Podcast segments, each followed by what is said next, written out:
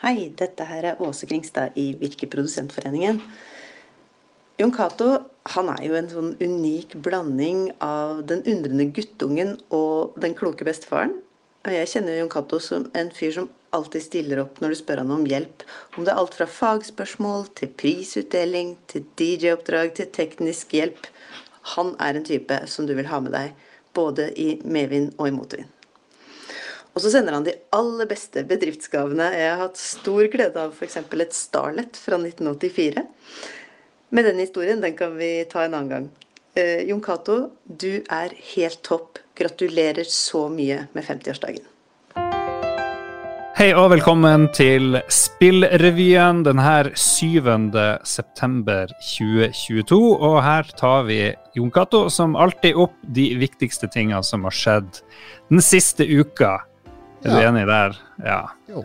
Og det er jo bare én sak fra forrige uke som er verdt å snakke om, og det er jo at du fylte 50 år! Vi kan ikke ha en hel episode om det, Lars. Det Selvfølgelig kan vi det. Jeg snakka med 18 mennesker 18? i uh, norsk spillbransje. Ja, har du, ja, jeg har vært i kontakt med 18, minst 18. Er det, er det så mange i den norske bransjen? det er så mange. Fordi tenk det kan være på sin plass. Eh, min gave og lytterne sin gave og eh, dine venners gave i spillbransjen. I tillegg til alt det andre du fikk da du feira på Tilt i helga, så får du en egen episode av Spillrevyen fokusert kun på deg. Jeg regner med at det er kanskje litt kleint, og sånt, men det er jo litt av poenget òg. Ja, det er veldig kleint. Ja, det skjønner jeg godt. Stakkars lyttere. Jeg er jo veldig glad i deg, og det er det mange andre òg. Det skal vi få høre i noen opptak. Um, men vi er jo en spillpodkast, uh, så jeg må jo spørre deg, hva er det, hva er det spill om noe uh, har lært deg om livet? Ja, det har jo vært en del av livet mitt, uh, hele, altså fra jeg var liten, spill. Men altså om det har lært meg konkrete ting Det har lært meg å løse problemer og tenke logisk og analysere og Altså, jeg har jo drevet med spillanmelderi i mange år, ikke sant, så da har jeg jo lært meg å se spill i en større kontekst og prøve å tenke på hva er det spillene gjør med meg. Ja. Så ja, jeg, jeg, er jo veldig glad i spill fortsatt. Jeg spiller jo uh, Immortality nå, den nye til uh, Sam Barlow, som egentlig er sånn ikke-spill. Et spill der du bare skal observere. Og det, mm. det liker jeg. Jeg liker, jeg liker alt, alt, som tøyer grensen for hva vi er vant til, enten det er innen film eller musikk eller spill. Ja, for det er jo et naturlig spørsmål. Hva er det med spill som fortsetter å fascinere etter du har vært med fra starten, ikke sant, så er det hele tida nye ting som skjer. Altså Det er hele tida altså, utvikle mediet seg og overraske deg og prøve nye ting. Og sånn som i år, så to av de beste spillene i år er liksom Elden Ring, som uh, fine-tuner alt som har med klassisk uh, spilldesign og åpen verden og, og alt sånt å gjøre, og gjør en opplevelse ekstremt personlig. Og, altså Alle som har spilt Elden Ring, har sin egen personlige opplevelse av hva Elden Ring er. Og så har du i andre enn uh, det jeg spiller nå, Immortality, som er helt i motsatt ende, fordi det er ikke noe tradisjonelt spill i det hele tatt. Det er ikke noe Du kan vinne, du kan komme til rulleteksten, men du kan fortsatt føle at jeg er ikke ferdig, for jeg skjønner ikke Jeg har ikke kobla sammen alt. Altså, det er som om du har pusla hoved... Eller ett motiv i et puslespill, så du vender tilbake, og du graver dypere og dypere og dypere for din mm. egen tilfredsstillelse. Altså, det, spill kan være så utrolig mye. Det er det som har vært spennende med det mediet.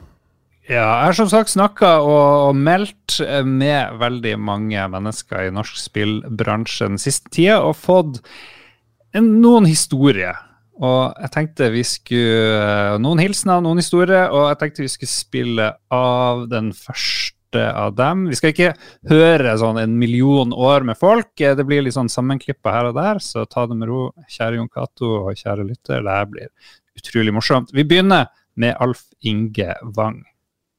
Hei, det her er Alf Inge Wang, professor, gründer, og har vært vikar for Jon Cato i Spillerevyen som ønsker deg, Jon Cato, gratulerer så masse med å ha runda 50 år. Jeg vil bare si at eh, du, Jon Cato, du er antagelig den personen i Norge som jeg vet om som har størst kunnskap på dataspill. Sånn sett så burde du hatt tittelen spillprofessor også. Jeg vil eh, også si at du er en utrolig raus person som er både gavmild og veldig god på å dele, så det er en ting som er veldig bra. Og så ønsker jeg lykke til med de neste 50 år som guru innen dataspill i Norge. Gratulerer så masse med dagen som har vært. Herregud, jeg kan ikke sitte i hele episoden og høre på folk som skryter av meg. Lars, det er uh... Alle er ikke så uh, snill med deg, for okay. å si det sånn. Hallo, Erik fra Pressfire her. Og jeg var jo på 50-årslaget ditt, Jon Cato, men jeg sier gjerne gratulerer med dagen igjen, da, altså. Det var veldig, veldig trivelig å få være med å feire en sånn kjernekar som det du er, og eh, en sånn bauta som du alltid har vært i norsk spilljournalistikk og spillbransje, og som vi alle andre har kikka opp til i så mange, så ufattelig, ufattelig mange år nå. Du ser ikke ut som en dag over i hvert fall 48. Og jeg husker den første, eller en av de første gangene som jeg møtte Jon Cato og det var jo i London. Og der var vi for å teste We før lanseringa av konsollen, så rundt 2006 en gang. Jeg dekka det hele for Dagbladet, og jeg hadde med meg et av de her nymotens digitale kameraene. Og utover kvelden, etter at vi var ferdige med å teste We, så endte vi opp på en båt en plass ute i Gokk, der vi bega oss ut på eh, entusiastisk drikking, kan du si. Og i løpet av en av mange dobesøk som jeg hadde, så ble kameraet mitt liggende ved bordet der jeg og Jon Cato og flere andre satt.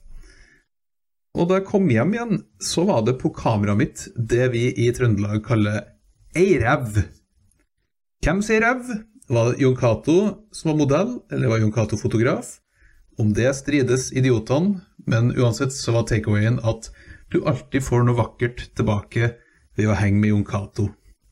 Tusen takk for meg, og gratulerer med dagen!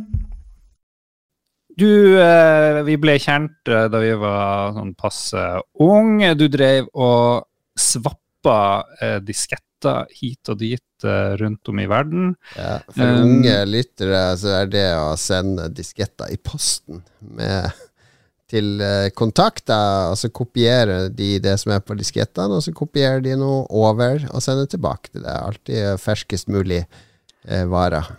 Ja, og det som dukka opp i den her, eh, uten at vi har noe med det å gjøre, så dukka det opp et brev fra, som jeg tipper du hadde sendt ut. Det var noen som hadde fått svapperbrev fra The Zapp, som vel var den første gruppa som jeg husker i hvert fall at dere lagde hvor man skulle krysse av på masse greier. Eh, veldig metodisk. Eh, husk å sende tilbake frankering og sånt. Var det du som lagde de brevene? Nei, det var altså The Zap var en gruppe ute på Bergseng i Harstad som bestod av fire personer. Så vi hadde egentlig en gruppe som heter Bakainos, men så fant vi ut hvorfor ikke slå oss sammen. De, de, var både på Commodore 64 og Amiga, mens vi var bare på Amiga. Og vi kunne mm. kode, det kunne ikke de. De var ikke så gode til å kode. Så vi kunne lage demo, og så hadde de sånn sveppe-nettverk. Så vi slo oss egentlig sammen en sommer.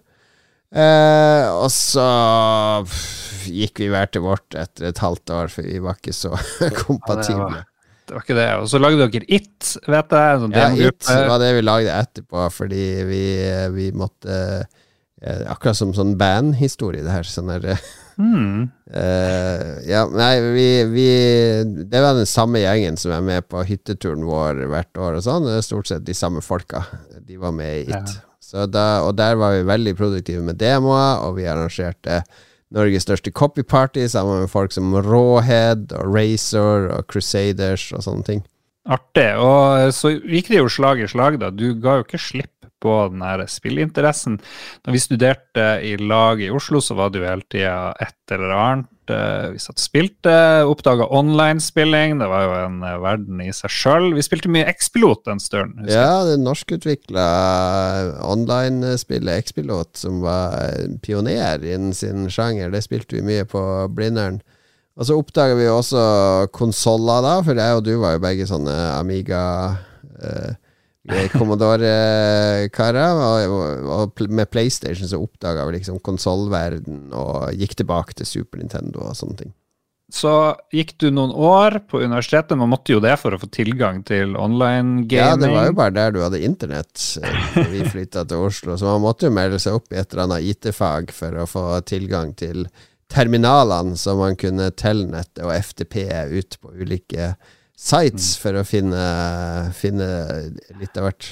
Jeg husker jeg slet med å forklare foreldrene mine hvorfor jeg ikke tok eksamen i programmering. Eh, jeg husker da det var eksamen, så satt jeg spilte MUD, eller hva det het for noe. Ja. Men eh, så begynte du å jobbe på Akersmik eh, oppi alt det her, og så føler jeg at da gikk det litt sånn slag i slag av noe på, på et vis.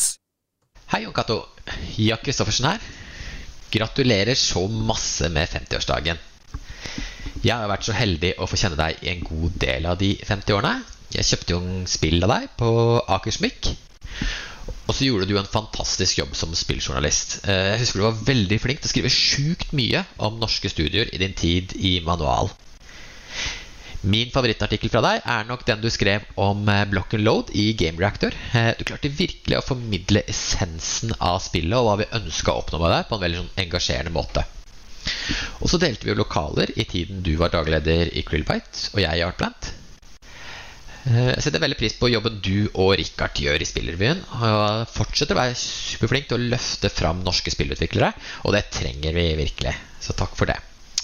Til slutt så håper jeg at du fortsetter å være ung til sinns, og at framtiden vil gi deg enda bedre spillopplevelser. Ja, jeg søkte jobb både på Outland, og, eller Avalon, eller hva det het på den tida, og Akersmik. Heldigvis fikk jeg ikke på Outland Avalon, for da kunne det gått en helt annen vei. Men jeg fikk på Akersmik i spilleavdelinga. 60 kroner timen fikk jeg deltidsjobb. Og da var jeg jo midt i Mekka, fordi Akersmik drev og importerte spill fra Japan og USA og var i forkant med med teknologi, og det var jo veldig stort som vindu da. ikke sant? En konsoll kunne bli lansert halvannet år før i Japan enn den kom i Europa, og noe kom aldri til Europa. og så jeg satt liksom midt i smørøyet, og der kom jo også ma veldig mange eh, utviklere på den tida kom jo innom og kjøpte spill. Og Medietilsynet, som drev også på aldersgrensa, kom innom og kjøpte spill.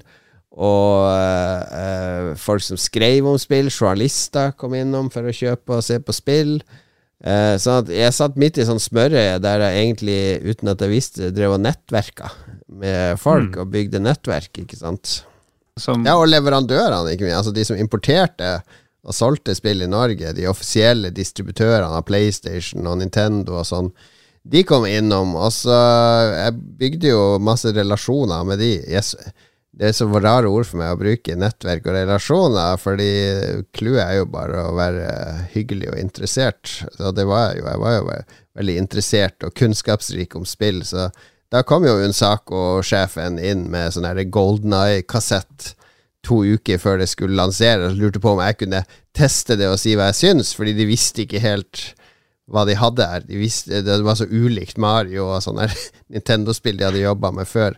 Så da satt jeg hjemme og spilte Golden lenge før det ble lansert, og fikk sånn fin tillit fra mange i bransjen, da, så det var veldig gøy. Så husker jeg det var en eller annen kjendis som kom og kjøpte Atari Lynx-spill. Det syns jeg er det mest hilarious. Uh... Var det en kjendis? Det var noe Morten Harket jeg solgte spill til, og han der uh, Aune Sand, og ja, noen kjendiser har det vært der. Hei, Jon Cato. Her er Audun Rodem fra gamer.no. Lars eh, spurte om jeg kunne mimre litt, så jeg prøvde å tenke på når jeg møtte deg første gangen. Jeg veit uh, at jeg som ivrig norsk spillmedieleser i studietida må ha møtt Jon Cato Lorentzen, spillskribenten eller redaktøren, på avstand sikkert en gang på 2000-tallet. Enten i Spray eller Game Rector, tipper jeg. Men når det faktisk var jeg møtte Jon Cato i egen person, det er litt mer uklart. Det første som jeg definitivt husker, var at jeg møtte deg under E3 i 2012, da jeg var og dekka messa for første gang. Og Den gangen tipsa du meg om en brunsvart hardrock-pub i en luguber sidegate i Los Angeles som du hevda hadde det mest stabile internettet i byen. Så det var best å jobbe derifra liksom å skrive artikler og laste opp videoer, som jeg tror du holdt på med på den tida. Og jo, det stemmer jo at det var veldig bra nett på den puben, men sånn i ettertid har jeg tenkt litt på om eh, det kanskje ikke var vel så viktig at eh, det var ganske bra musikk og en del øl på den arbeidsplassen her også. Men ja, gratulerer så mye med 50 år til en av de desidert sterkeste formidlerne vi har hatt i Norge innenfor spill og kultur om spill. Du har vært svært viktig for norsk spillbransje i alle ledd som du har jobba med det i. Og for min del så har du definitivt vært en som jeg har lært veldig mye av. Og da mener jeg ikke bare at man finner det beste nettet på de mest lugubre pubene i byen, men også gjennom utallige tekster, anmeldelser, podkaster og samtaler opp gjennom årene. Og det fortsetter du å gjøre. Og så begynte du å skrive også på et eller annet tidspunkt. Det første du kanskje leverte som jeg husker du var litt stolt over, det var jo sånne fuck en fuck og frequently asked questions-greie. Ja, en FAQ. Jeg er med i Jumping Flash-FAQ-en til PlayStation 1. Men jeg begynte, jeg skrev en del på nyhetsgrupper, så var det altså newsgroups uh, var litt aktiv, og der skrev jeg Første anmeldelsen jeg hadde, var Full Throttle på PC. Det var før jeg begynte på Akersmik. Og da fikk mm. jeg jobb uh, Eller jeg fikk oppdrag fra en som drev en av de første spillnettsidene i England, Games Domain, som sendte meg spill som jeg kunne anmelde. Sendte fra England. Fordi han trengte anmeldelser. Uh, så derifra så Det var vel egentlig på Akersmik, for der var det en gjeng som skulle lage et spillblad som skulle være et bilag til Topp. Så det var en Thomas Sjeletskij som har vært idoldommer og også var i spillmagasinet på TV2 etter hvert. Han var redaktør for det bladet og trengte en redaksjon. Og det, det, var jo den uh, uh, Det var jo rene Avengers uh, Assemble. Altså, det var kremen av kremen. Var Rune Fjell Olsen var med der. Snorre Bryne. Jørgen Taraldsen, som nå er sjef i Megapop. Hei, det er Jørgen fra Megapop her. Jon Cato er jo en fantastisk kjernekar som jeg egentlig alltid har sett opp til. Jeg møtte ham vel først på tidlig 90-tall, faktisk, da han jobba i Akersmikk og jeg Free Record Shop. Eh, noe av det som overraska meg mest med Jon Cato, bortsett fra kjernekartingen, er når jeg var på Nordic Game. Eh, og plutselig sto han som DJ for hele party, og han gjorde det dritbra. Jeg var sånn Wow, Jon Cato, er du DJ også? Det visste jeg faktisk ikke om han. Eh, og han spilte skikkelig bra musikk som jeg selv liker, og det var en ordentlig overraskelse. Så han har mange sider som jeg respekterer. Og den DJ-sida, det var kanskje noe av sånn wow, ikke bare gaming og alt det han står for der, men også den sida. Ser rett opp til Jon Cato, ønsker han masse til lykke videre, og håper at jeg får være med på neste bursdagsfeiringer også. Takk, ha det! Uh, Benjamin Lie, som uh, har drevet masse drinkbarer i Oslo, det er vel det han fortsatt gjør. Han ble jo mm. profesjonell ute, utestedseier og bartender etter hvert. Så vi var, vi var en sykt bra gjeng i den redaksjonen. Så det var der jeg ordentlig begynte å skrive og fikk ting på trykk. da. Og så tar vi og hører det lengste bidraget av alle eh, som har ønska å, å, være med i denne sendinga. Det er David Skaufjord. Hei, Lolbua. Dette her det er David Skaufjord. Og Lars meldte meg i går og spurte om jeg kunne dele en liten historie om Jon Cato, og selvfølgelig kan jeg det. Det slo meg at jeg faktisk bare har møtt Jon Cato ordentlig én gang, kanskje to, dvs. Si fysisk, etter å ha hatt mye digital kontakt. Men Jon Cato spurte meg for noen år siden om jeg kunne være konferansier på Tiltkast, en slags mini-podkastfestival for landets spillpodkaster. Det var før jeg begynte å arbeide i spillbransjen selv, så jeg kjente ikke så mange der ennå. Eh, men jeg hadde podkasta et par år og gjort noen spill- og musikkepisoder. Eh, da jeg skulle møte John Cato, så kom han inn døren. Han bråstoppa. Jeg tenkte jeg skulle hilse på han, eh, men han gikk ut igjen. Eh, for så å komme tilbake og forklare at her var det veldig mange folk, og det er ikke dere, jeg har bare fått nok av folk, så jeg tror jeg bare kuler den, før han forsvant igjen fra sitt eget arrangement. Tilka starta veldig bra med noen av de mindre spillpodkastene om et publikum som fremsto som de ikke nødvendigvis hadde møtt folk på en stund akkurat da. Det gjaldt for så vidt noen av de på scenen også, så det begynte et ganske sånn behagelig desibel-nivå. Jeg snakka litt med Lars, medarrangør, og fikk vite av noen andre at han et år eller to i forveien hadde blitt kasta ut av sitt eget arrangement og endte opp på Blaze Go-Go Bar like oppi gata istedenfor.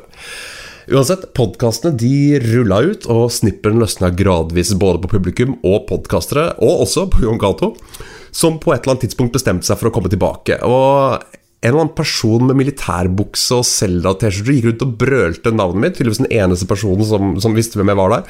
Uh, men det, det bidrar for min del til stemninga idet jeg gikk på scenen og annonserte podkastene. Høydepunktene var bl.a. da Aslak fra Spillmatic gjorde en roast av samtlige andre podkastere på rim.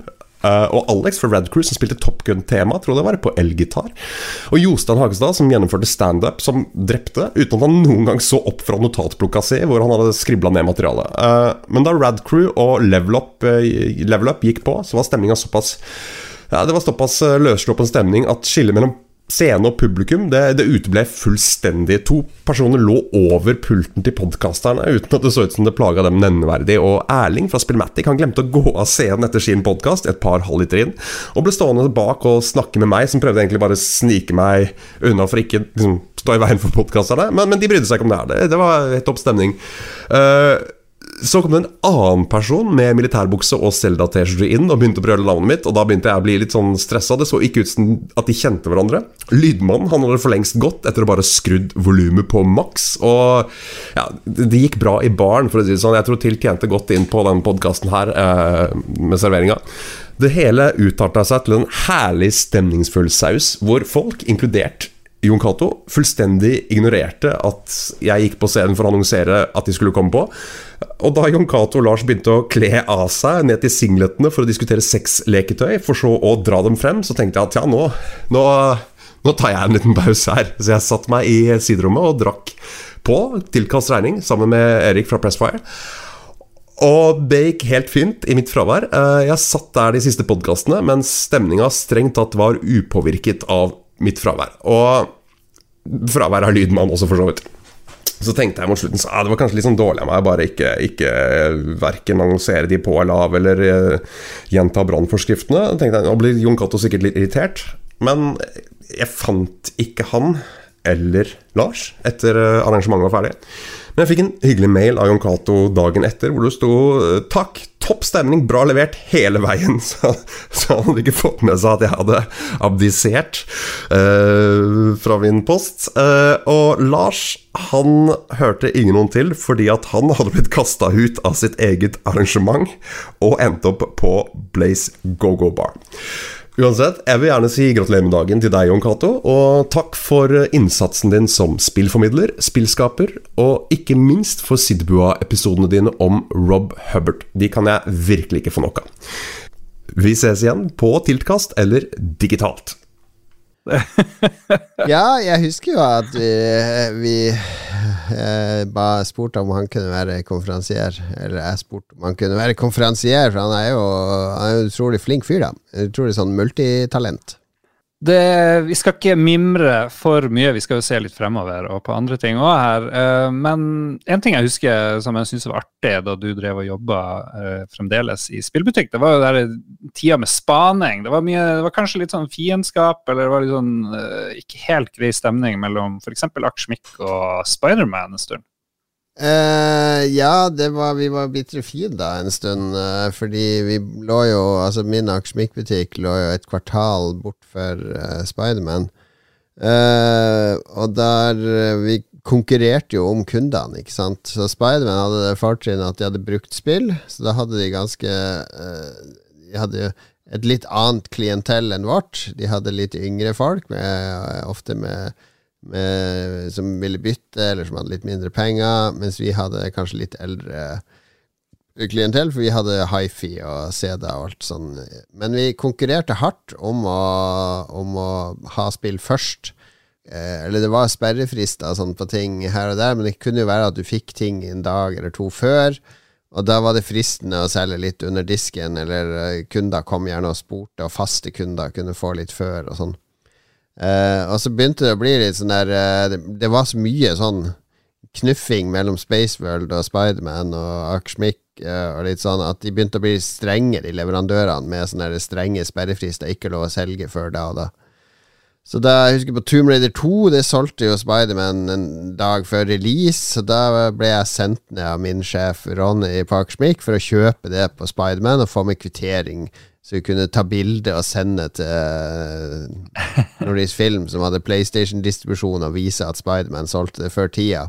Og konsekvensen av det var at neste slipp fra PlayStation var fire spill, husker jeg. Da Command and Conquer og tre andre spill. Uh, de fikk ikke Spiderman på lanseringsdagen. De fikk bare vi.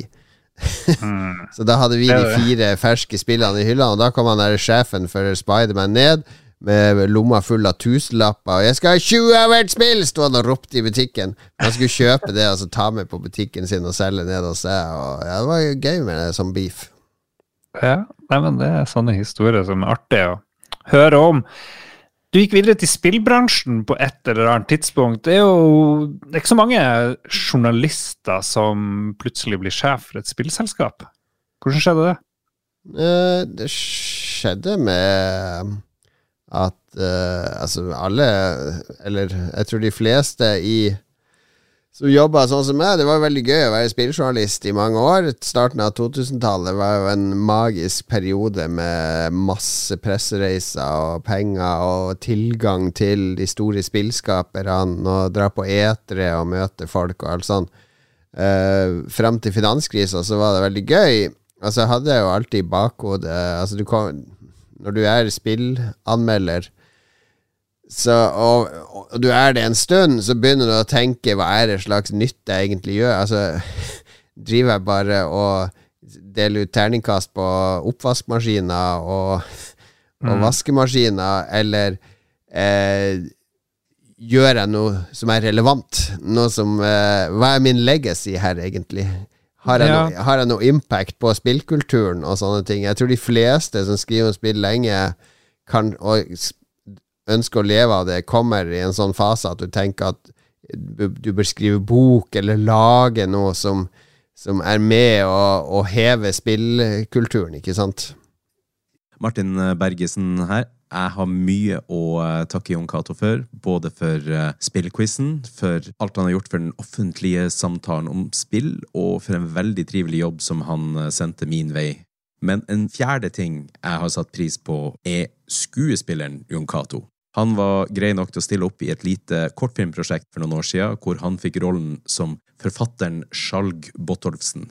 Da han dukka opp på settet, så var det med alt innøvd og tight, og det var en sann glede å se han puste liv i den kjipe Knausgård-klona jeg hadde skrevet, til og med replikken her.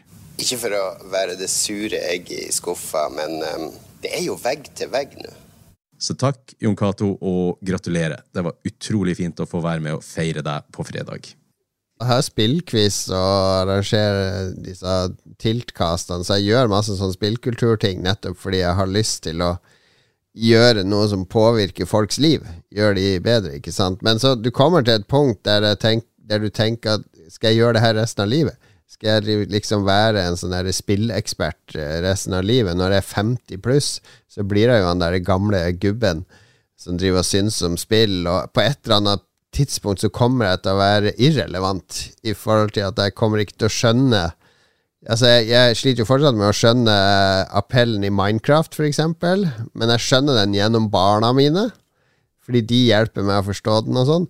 Men på, på et eller annet tidspunkt så blir jeg irrelevant, og da må jeg så jeg begynte jo å tenke hva annet kan jeg gjøre? Hva, hva, jeg har jo ikke lyst til å gjøre så mye annet, egentlig. Jeg har ikke lyst til å bli Jeg har prøvd meg som lærer og hadde noen sånne vanlige jobber innimellom. Det er ikke så gøy. Og så dukka den Krillbite-jobben opp, og så tenker jeg ja, da prøver jeg, da. Og så heldigvis var det ikke det aller beste søkefeltet der, tror jeg, men jeg kom jo igjennom og fikk prøve meg der.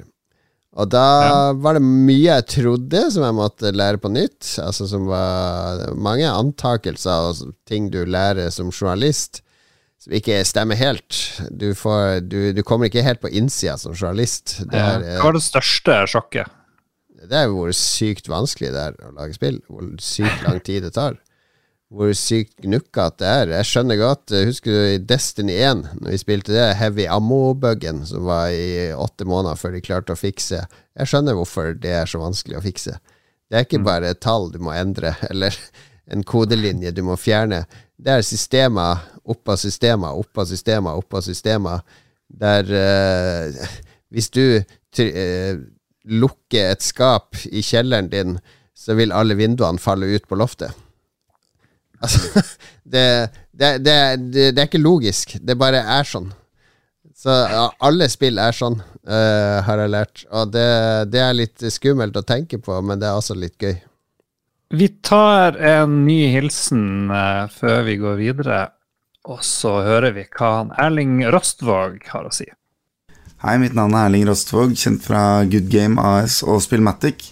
På Jon Catos 50-årslag så holdt jeg en, eh, en liten hevnquiz Eh, rett og slett eh, eh, for å sette han ut litt. Og jeg tenkte jeg skulle fortelle en av historiene som inspirerte meg til å ta igjen. Eh, og det stammer fra Jon Catos egen spillquiz. Der ble det nemlig spurt etter hvilket land det var, eller hvem det var, som invaderer USA i dataspillet Homefront. Og laget vårt svarte at det var Nord-Korea. Eh, dette fikk vi feil på, fordi ifølge Jon Cato så er det et, eh, et, et samlet Korea som angriper. Eh, og vi prøvde å protestere på det her, fordi eh, det er jo sånn at Nord-Korea annekterer Sør-Korea og bare kaller seg Korea, fordi de anser seg sjøl som det eneste ekte Korea i det spillet. Og det er helt åpenbart at det er på en måte eh, det vi i dag kjenner som Nord-Korea, som er den angripende part. Og det er også det det står på Wikipedia. Men fikk vi poeng av Jon Cato for det? Nei da. Gratulerer med dagen, da. Det er jo en del bitre folk etter de quizene, regner jeg med? Ja, det er mye bitre folk på de quizene. Det er det som er litt fint. ja, vi har ikke nevnt så mye det, men uh, du og Magnus Tellefsen kjører quiz veldig ofte. Um, det får bli et annet kapittel en annen gang. Hvordan var det å forlate spillbransjen, Jon Cato? Uh, det var Som daglig leder. Du er jo en del fremdeles, det må vi jo si. Ja da. Eh, altså, jeg, jeg, har jo en fot innafor. Nå er jeg jo konsulent for Midtnorsk eh, Filmsenter, så jeg, jeg, snakker jo med utviklere, og jeg ser på søknader, og jeg lager spillrevyen, og Men jeg er jo mer eh, konsument og kritiker når jeg vil. Jeg har jo også litt sånn frikort i Aftenposten som jeg kan kaste inn av og til når det er noe viktig eller artig som de bør ha på sidene sine. Så jeg er jo veldig privilegert. Nå kan jeg styre hva, hvor mye spillting jeg vil ha som jobb sjøl. Altså, eller bare nyte spill. Uh, men det var, ikke, det var skummelt å forlate, ikke sant? noe det har holdt på med i alle år. Men jeg følte jo at det var ikke så mye mer Hva mer skal jeg gjøre, liksom? Uh, I spillbransjen. Nå har jeg leda et selskap og vært med å gi ut et spill. Jeg har landa publisheravtale. Jeg har vært på Jeff Keeley sitt uh, show og, og, vist fram uh, spillet. Altså uh, jeg, jeg, kunne jobba i et større selskap. Altså Det eneste andre jeg kunne gjort, var jo å flytte til utlandet og jobbe i et eller annet stort spillselskap, eller jobba med ja. Sony eller et eller annet sånt. og det var ikke alternativ? Nei, jeg orker jo ikke det med tre unger og verden. Eh, det frister ikke så mye å flytte til USA, f.eks., eller Storbritannia. Altså, det er trygt å Kommer til en alder der det er såpass trygt og godt i Norge, både for meg og barna, ikke sant. Så jeg hadde jo lyst til å bli her. Du har jo et temperament av og til. Eh, det er jo stor underholdning i vår andre podkast, eh, Lolbua, for de som hører der. Det kan rantes litt. Eh, veldig artige og innsiktsfulle rants. Vi er jo litt skrudd til i den andre podkasten, Lars. Ja, ja. Jeg, er bare, jeg er 80 uh, den ekte Jon Cato, og så er det en litt sånn karakter. Dette klippes bort. Uh, hva, hva, er det som irriterer deg med spill? Det gjelder jo ikke bare spill, det gjelder jo alt på internett. Det er en sånn der uh, Hva heter det Berettigelse som mange gamere har. Det er en sånn der tanke om at bare fordi man er flink å spille og spiller masse spill og sånn, så er man ekspert på spill, og så kan man være ufin. Uh, det er en sånn spillkultur, en sånn skyggeside av kulturen, som jeg syns er veldig slitsomt å forholde seg til, med negativitet og drittslenging og Den er jo en sånn der uh, arv av konsollkrigen som har vært i alle år, men den konsollkrigen var mye mildere før. Uh, når det var PlayStation mot Sega mot Nintendo, ikke sant. Man slengte litt med leppa da, men man skjønte at det var bare tull. Mens nå er det et mye mer sånn surmaga drittungenivå, føler jeg. Eller så er det kanskje bare jeg som har blitt eldre virker som de hater spill, som bare snakker spill ned hele tida og klager og klager. Og det, det blir litt eh, Jeg blir litt lei meg av det. Ja. Den hobbyen du tidvis elsker, blir litt ødelagt av det. Ja, det er jo mye å kritisere i hobbyen òg, ikke sant? Og det er jo folk som lager godt kritisk innhold og har kritisk blikk på ting og sånn. Men så er det noen som bare er sånn her uh, Hvis det står EA, så er det ødelagt med en gang. Det er, det liksom uh, det, det, er en sånn irrasjonell uh, hat. og liksom sånn flokkmentalitet og review-bombing og blande sauser sammen. Nei, vi skal ikke ha politikk i spillene våre, men da går de til politisk aksjon. For review-bombing er jo også en politisk aks motivert aksjon, ikke sant? Så det, det er en sånn idioti, rett og slett, som, som foregår eh, i kulissene, i stedet for å ha en, en god diskusjon om, om temaene. Det er ikke bare spillutviklere som blir kritisert, det blir også spillanmeldere. Vi skal gå over til eh, enda et eh, bidrag her fra, fra en av de jeg har snakka med. Vi skal høre på noen ord fra Rune Menzoni. Hallo, Jon Cato. Det er Rune Menzoni fra Universitetet i Bergen. Uh, Mannen, myten, legenden som fyller 50 år, det er helt utrolig. Jeg må bare få takke deg for alt du har gjort for dataspill som kulturelt uttrykk i Norge. Det er en enorm bragd, og jeg gleder meg til å følge med på eh, hva du, hva du gjør de neste 50 årene. Men hva skjedde egentlig med Guitar Hero Fan Halen-anmeldelsen din i eh, Game Reactor? Altså tre av ti. Det er sjokkerende. Du må ha vært eh, ekstra sur på kontoret den dagen. Jeg vet ikke hva som skjedde. Etter min mening så er det et av de aller beste Guitar Hero-spillene fra Activision som kom i 2009. Men samme det, jeg må uansett få gratulere deg så mye med dagen. Jeg håper det blir eh, fantastisk feiring og 50 flotte nye år med Lolbua og Spillrevyen. Ha det godt. Guitar Hero and Halen, ja. sånn er det når man anmelder mye spill, så glemmer man at man har gjort uh, gjort dem. Jeg drev og funnet noen sånne gamle anmeldelser, skal ikke huske at jeg spilte engang. er det noen highlights i din, uh, ditt spilliv? Er det noe som du bruker å tenke Oi, opplevde det? Er det å slippe ditt første spill? Er det å se bli spillredaktør? Er det Jeg vet ikke. Hva er det nå som skiller seg ut? Det er jo mange highlights, men først Game Reactor, som jeg lagde sjøl, der jeg sto for alt innholdet, hadde satt alle sidene, det var veldig gøy. Selv om Game Reactor var vanskelig å lage det bladet man hadde lyst til å lage. Men det var Altså, jeg har alltid drømt om å lage spillblad, så det var jo en drøm som gikk i oppfyllelse. Når vi slapp Blipp-Blopp på E3 med Krillbite, det var også veldig, veldig gøy.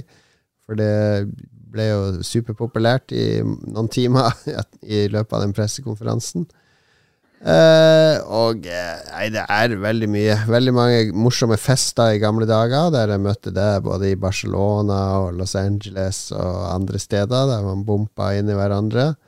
Det var også veldig gøy. Kan ikke si noe annet enn det. Ja, hallo, det er Jostein her. Jostein Hakestad fra uh, et lite show som heter uh, Rad Crew. Og Jon Cato har vært en del av det utvida Rad Crew-universet, eller RCU som det kjennes som. Eh, og han har alltid vært en person som vi har satt pris på eh, råd og vink fra, og eh, gjesteopptredener og eh, hva det skal være av eh, stunts opp igjennom. Og eh, nå som du fyller 50, så kan du se tilbake på eh, utallige fantastiske podcaster du har produsert, artikler du har skrevet, og ikke minst uh, crazy uh, spillindustrifester som uh, aldri kommer til å bli Som de for lengst har slutta å arrangere, men uh, som du har mange morsomme historier fra som vi har satt veldig pris på å høre.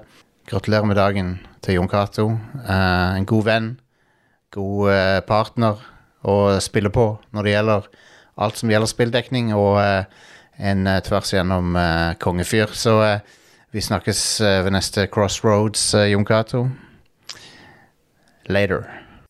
Er det noe du føler du, um, du må gjøre? Du nevnte bok. Uh, det, du har skrevet en uh, ganske kort bok. Uh, ligger det noe en tome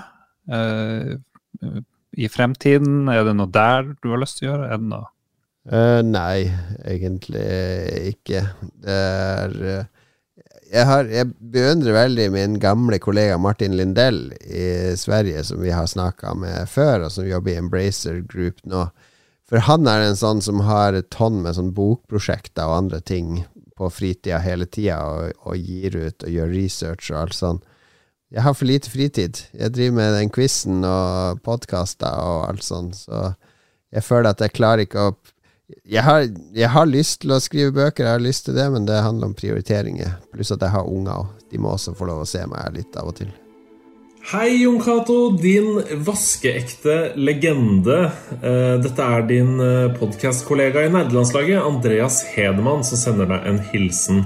Jeg har lyst til å si av hele mitt hjerte at du har vært en enorm inspirasjon hele mitt eh, yrkesliv. Jeg har kost meg med anmeldelser i Aftenposten og innholdet du har skapt i så mange år. Og det har betydd enormt mye for alle spillentusiaster og bare gamere i hele Norge. Så tusen hjertelig takk for det, og hjertelig til lykke med 50-årsdagen. Jeg gleder meg til de neste 50. Hei, her kommer en hilsen fra Anette i Dirty Bit. Jon Cato, gratulerer så mye med stor, stor dag. Håper du får en kjempefin eh, feiring. Jeg setter pris på deg, på det du har gjort for, eh, for bransjen, og fortsetter å gjøre selv om du har valgt jobb et annet sted. Ha det bra! Hei og gratulerer med dagen, Jon Cato. Dette er Solveig Møster som ringer inn. Jeg, eh, jeg har jo truffet deg et par ganger på ulike konferanser og sånn, og det er jo alltid like kjekt. Men jeg kom til å huske på den gangen jeg var med i Triple Ram Games helt tilbake i 2015. Da vi var på Indie Game Black Booth på SpillExpo. Og det var veldig spesielt. Vi skulle egentlig bare se på, og så ga du oss muligheten til å vise fram spillet der, og det var høyst spesielt. Det var veldig stas. Og eh, ja, jeg håper du har en fin dag. Og eh, ja. Hei, dette er Gjøra Myrland fra Miss Games, og jeg vil gratulere Jon Cato så mye med 50-årsdagen. Jeg møtte vel Jon Cato første gang på GDC i 2017, hvor vi hadde et uh, kort intervju om Fishing Barents. Og med dette bare ønsker Jon Cato en strålende bursdagsfeiring. Hei, Jon Cato. Hildur Jonasdottir her. Gratulerer så mye med level opp til 50. Nå er du i stand til å overkomme de fleste hindringer på veien. Jeg vil benytte anledningen til å takke for at jeg fikk rote rundt i ditt kunnskapsrike hode for nærmere ti år siden, hvor du hjalp meg i starten av min ph.d. Nyt reisen videre, men ikke glem håndkleet. Hallo, det her er Mattis Folkestad, aka Machineboy, som ønsker å gratulere deg så masse med dagen som var, Jon Cato. Eh, takk for alt du bidrar med i norsk spillbransje, og håper at du fortsetter å spre det gode spillbudskap både gjennom podkaster og quizer og andre måter. Grattis! Happy birthday, Jon Cato, and welcome to the Half Century Club. It's not that bad once you get used to it, really. Hope you have a really great day. All the best, mate, from Simon Poole. Tobias Fossheim i Krillbite studio her. På vegne av gamle kollegaer vil jeg gjerne ønske Jon Cato gratulerer med dagen og vel overståtte 50 år. Jeg sier tusen takk til Andreas Hedemann, Anette fra Dirtybit, Solveig Møster, Gøran i Miss Games, Rafnildur, eh, Mattis Falkestad, Simon Poole, Tobias Fossheim, David Skaufjord, Erling Rostvåg, Alf Inge Wang, Audun Rodem, Erik Fossum, Jack Kristoffersen, Jostein Hakstad.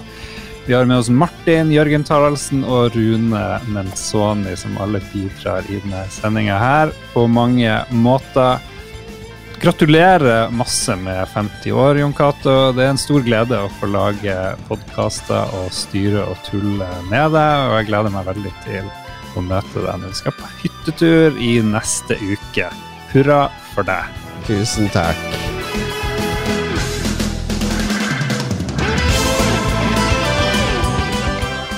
Et par eh, tillegg på slutten her. Åse Kringstad skal også takkes eh, hjertelig. Jeg klarte først å slette opptaket ditt. Eh, Beklager det. Du spilte inn eh, nå litt før klokka 11 onsdag kveld. Beklager, Hildur. Jeg slakta navnet ditt eh, på da vi spilte inn live. Hvis det er noen andre jeg har glemt eller uh, uttalt feil, også beklager det. Det ble veldig veldig mange som var involvert i denne sendinga, og tusen takk til alle som bidro. Send også en stor takk til våre patrions. Husk at du kan støtte arbeidet Jon Cato gjør, og vi andre i spillrevyen Lolbua-universet på patrion.com slash lolbua.